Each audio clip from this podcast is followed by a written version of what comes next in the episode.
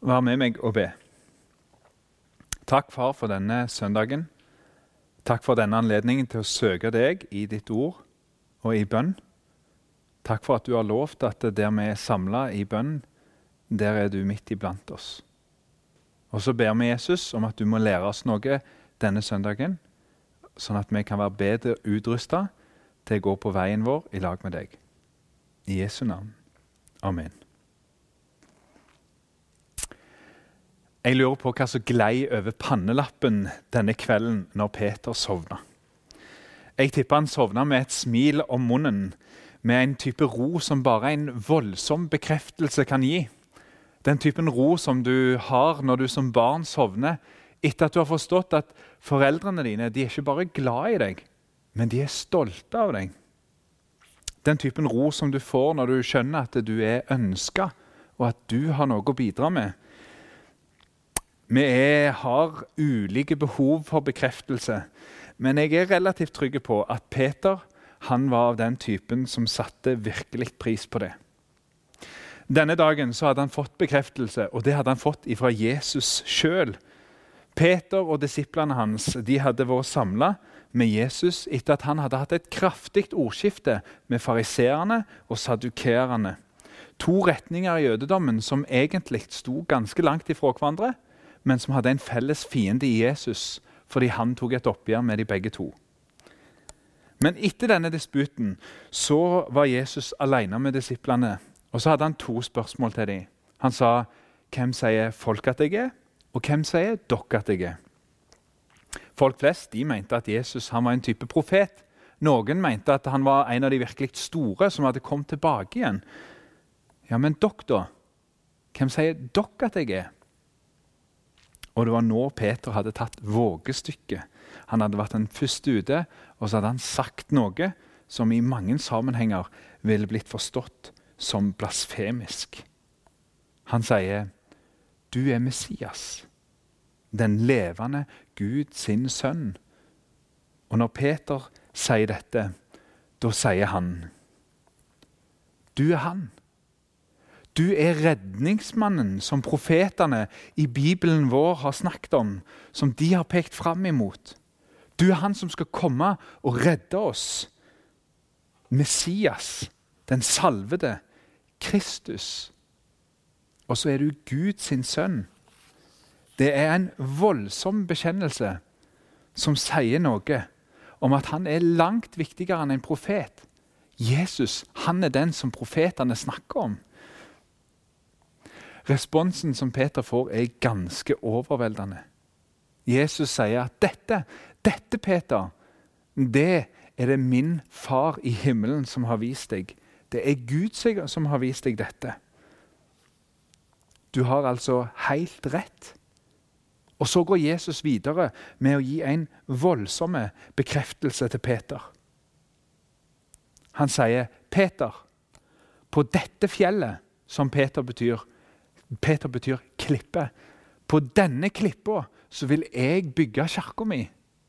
Og dødsriket sine porter skal ikke få makt over deg. Du skal få nøkkelmakt. Himmelrikets nøkler. Det du binder på jorda, det skal være bonden. Og det du løser på jorda, det skal være løst. Og så Etterpå så ser han på disiplene samla, og så sier han Ikke si til andre at jeg er Messias.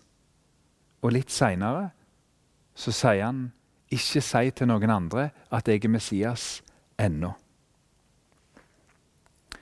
Og der ligger Peter og skal til å sovne denne kvelden. Han har fått litt å tenke på, litt å kjenne på. For noen voldsomme ord som Jesus hadde, som Messias hadde, om han. Dagen etterpå så får Peter en skikkelig kalddusj. En så heftig kalddusj at både vi og han forstår at det er ikke Peter som er denne stødige klippa, men det er bekjennelsen til Peter. Og denne kalddusjen, det er den teksten som vi har foran oss i dag. Noen ganger så trenger vi en kalddusj. Og vi trenger det når vi trenger å få bakkekontakt, når vi må skjerpe sansene våre, når vi må være klar over at nå, nå er det noe som skal skje. når vi trenger å forstå hva ting egentlig handler om. Hvis du har en bibel framfor deg, og det vil jeg anbefale deg å ha så Hvis du ikke har det, så kan du sette på pause, og så kan du gå og finne en. Og Når du har funnet en bibel, så kan du slå opp i Matteusevangeliet i kapittel 16 og vers 21-23. Det er her vi skal være, i området rundt dette og i denne teksten her. Matteus 16 og vers 21-23, og vi leser i Jesu navn. Fra den tid tok Jesus Kristus til å gjøre det klart for læresveinene at han løp fare til Jerusalem, og at de eldste, overprestene og de skriftlærde skulle la han lide mye. Han skulle bli slegen i hæl, og tredje dagen skulle han reises opp. Da tok Peter han til sides og ga seg til å tale han til rette og sa:" Gud hjelpe deg, Herre. Dette må aldri hende deg. Men Jesus snudde seg og sa til Peter, Vik bak meg, Satan. Du vil føre meg til fall. Du har ikke tanke for det som Gud vil, bare for det som mennesker vil.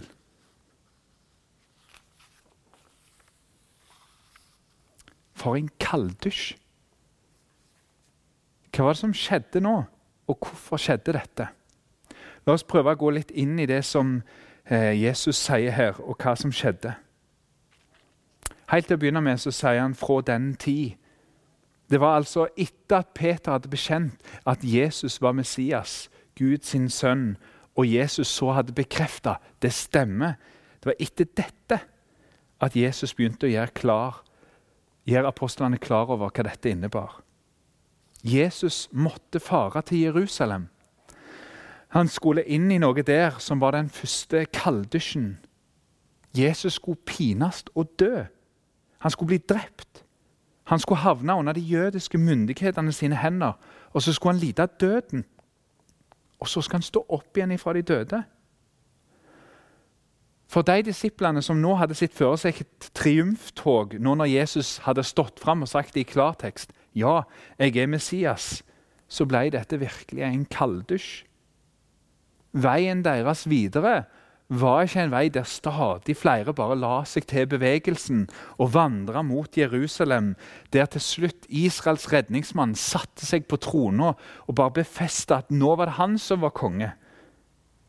Nei, veien gikk mot Jerusalem, og det var en folkeskare som trodde og fulgte, men så forlot når Jesus Kristus dør på et kors, når han henger der, til spott og spe for hele folket.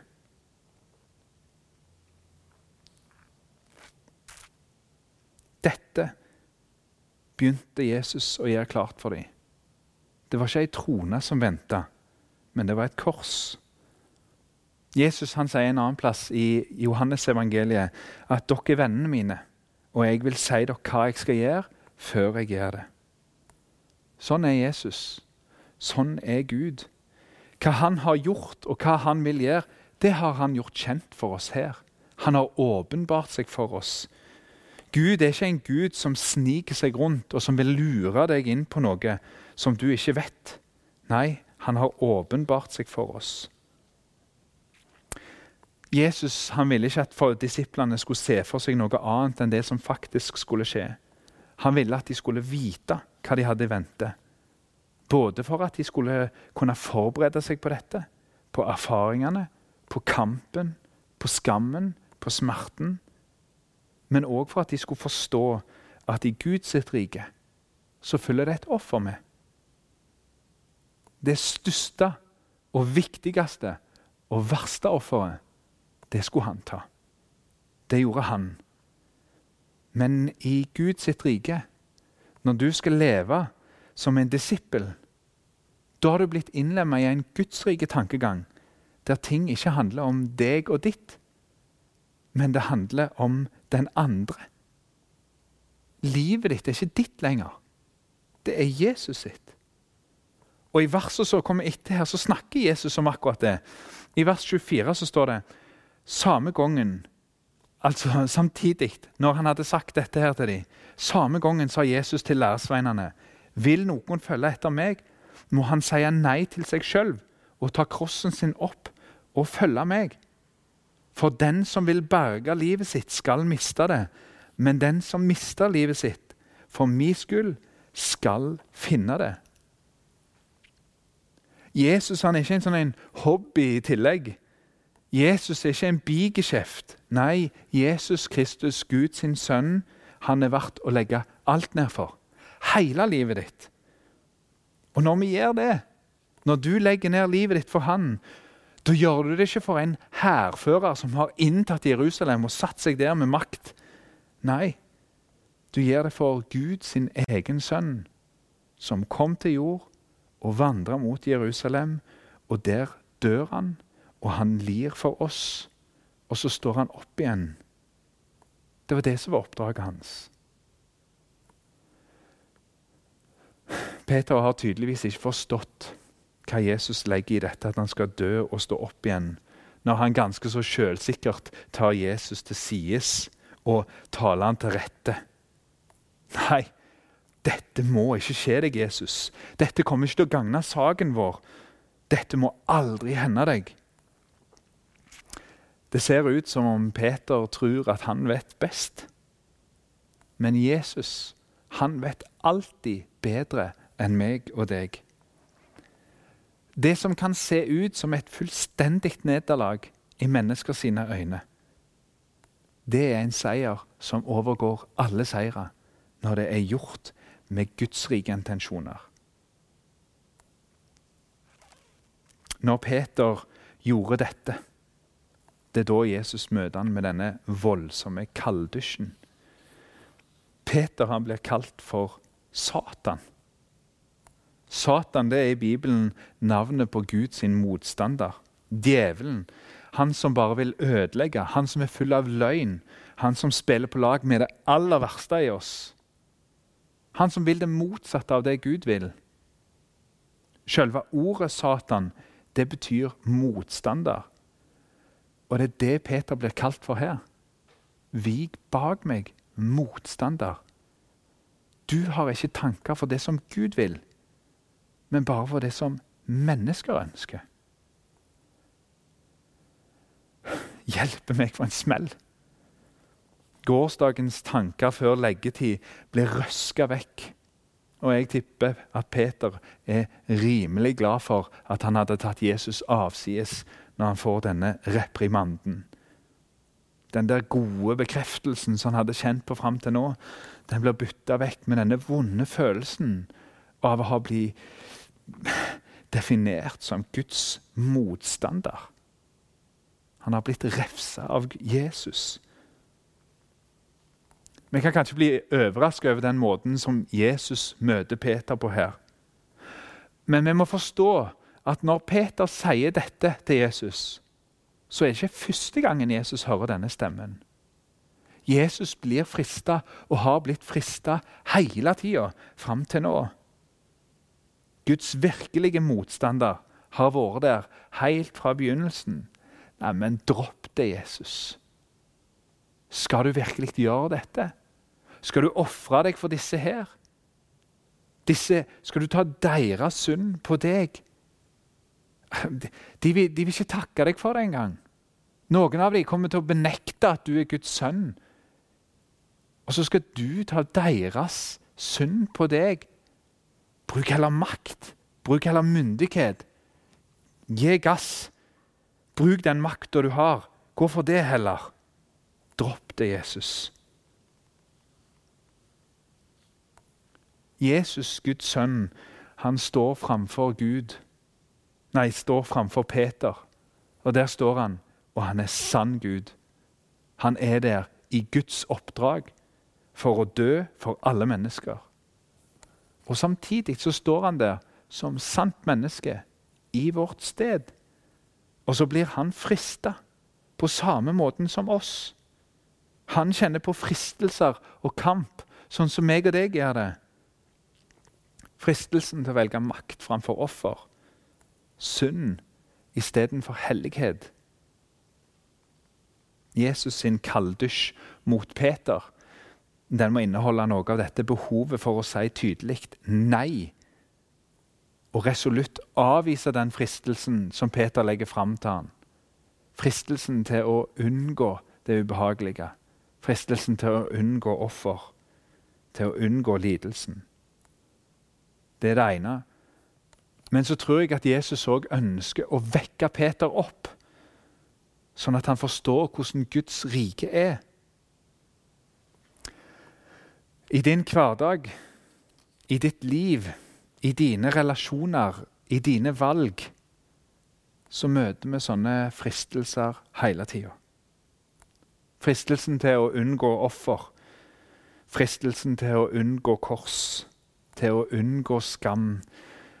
Og mange ganger så tror jeg vi da kan tenke at hvis jeg bare toner ting litt ned hvis jeg sier ting på en litt spiselig måte, hvis jeg velger det som passer best for meg, hvis jeg bidrar litt, men ikke mer enn at det går utover meg, det som koster minst, det som er enklest eller ser minst pinlig ut, så blir det bra, eller det blir i hvert fall greit nok. Og så møter Jesus oss med en kalddusj, og så spør han deg er dette i tråd med Guds rike verdiene der ting er annerledes. Denne kalddusjen den stiller oss som Guds folk på valg. Istedenfor å bli et avstumpa Guds folk som velger kompromiss og bedagelighet, så kan vi forstå i det kallet som Han har gitt oss om å være et annerledes folk. Og så kan vi få se at det er i Guds rike perspektiv at det er her de største seirene ligger. Ved å ikke velge seg sjøl, men ved å ofre, så går Guds rike fram. Tenk om Jesus hadde valgt å lytte til Peter. Det hadde vært katastrofe. Det hadde vært katastrofalt for oss. Og vi ville, sånn som Paulus sier det en annen plass, vi ville fremdeles vært i vår synd. Heldigvis så er ikke Jesus sånn som oss. Jesus han er heil ved. Han står der vi faller. Han gjennomfører der vi svikter, og så går han hele veien til Jerusalem for å lide og dø for oss. For at vi skal ha fred. Det er bare Jesus som kan gå den veien til Jerusalem for oss. Men kanskje ved at du bruker mindre av dine ressurser på deg sjøl. Kanskje ved å sette av tid til arbeid i Guds rike. Kanskje ved at du en gang på et tidspunkt sier 'Jeg tilber Jesus' fordi jeg tror han er Guds sønn. Kanskje kan du da være med og lede noen til Jerusalem. Og så kan de se Jesus der. Det du taper på det, det kan vise seg å være den beste investeringen du har gjort i hele ditt liv. Fordi det fikk konsekvenser for et menneske sin evighet. Kanskje ved å avstå ifra den enkle utveien. Kanskje ved å gå til Gud når du står på valg og du lurer på noe som er vanskelig og krevende, og spør Han til råds i dette. Kanskje ved å la han vise deg at dette her kan du avstå fra. Dette kan du ofre. Så får du erfare at du får investere i noe som har evighetsverdi. Kanskje ved å gi avkall på noe som du har lyst på her og nå. Så erfarer du at du får vokse tettere og nærere Jesus. Kan det være noe der? At vi i våre liv stadig velger den umiddelbare nytelsen, det som frister mest, istedenfor å avstå ifra noe, for så å velge Jesus. Ikke vær Jesus sin motstander når han kommer med en kalddusj. Gjør sånn som Peter gjorde. Fortsett å følge han på vei til Jerusalem. For to søndager siden så tok Lars Petter oss med opp på Forklarelsens berg. Og det er den teksten som kommer etter det som vi har lest nå. Og takk og lov for det. Peter, han som svikta på denne måten her, han er en av de tre som blir tatt med opp på fjellet. Les etterpå, i kapittel 17, fra vers 1 til 8. Og Der fikk Peter finne trøst i noe annet enn en bekreftelse av han og det Peter sjøl hadde gjort. Der fikk han se Jesus sin herlighet. Hele Jesus, med all sin tyngde og prakt. Han fikk et glimt av Jesus sånn som han er nå. I dag, etter han har blitt korsfesta og stått opp igjen ifra de døde. Og der stråler han. Og han stråler med en sånn en herlig glans at det kan mette hver og en av oss. Nå, nå sitter han på ei trone. Nå oser han av makt og myndighet. Nå ser vi at dette er Guds evige sønn. Og grunnen til at han skinner sånn der han sitter, det er at han har noen sår inni hendene. Noen sår som viser hva han gjorde, hva han ofra. At han ga hele seg, sånn at alle de som tar imot han, kan få han. Hvis det er noe av deg som blir inspirert av det, av det synet der, så er det fordi at du i der ser hellighet. Du ser et glimt av sannhet, av det som er godt. Et glimt av Gud sjøl. Sann makt. Jeg tror at når Peter la seg den kvelden, så la han seg med noen nye tanker som glei over pannelappen. En dypere ro enn den forrige. En type ro som du får når du er elska. Når du forstår at du er kalt. Du er verdifull. Du er kostbar. Ikke fordi du har gjort alt det rette, men fordi Han som har skapt alt dette som vi ser rundt oss, han som holder alle ting oppe med sine hender, han hadde blikket sitt festa på Jerusalem på et kors. Og så gikk han hele den veien der for å ofre seg for deg. Han gir et offer for deg som han elsker. Ta med deg det når du legger deg i kveld. La det være noe som glir gjennom tankene når du har lagt vekk telefonen. Jesus Kristus valgte offeret for deg og det fikk enorme konsekvenser. Ta med deg dette når du står opp i morgen, når du spiser frokost, og spør deg hva skal være mine offer for min neste denne dagen. Amen.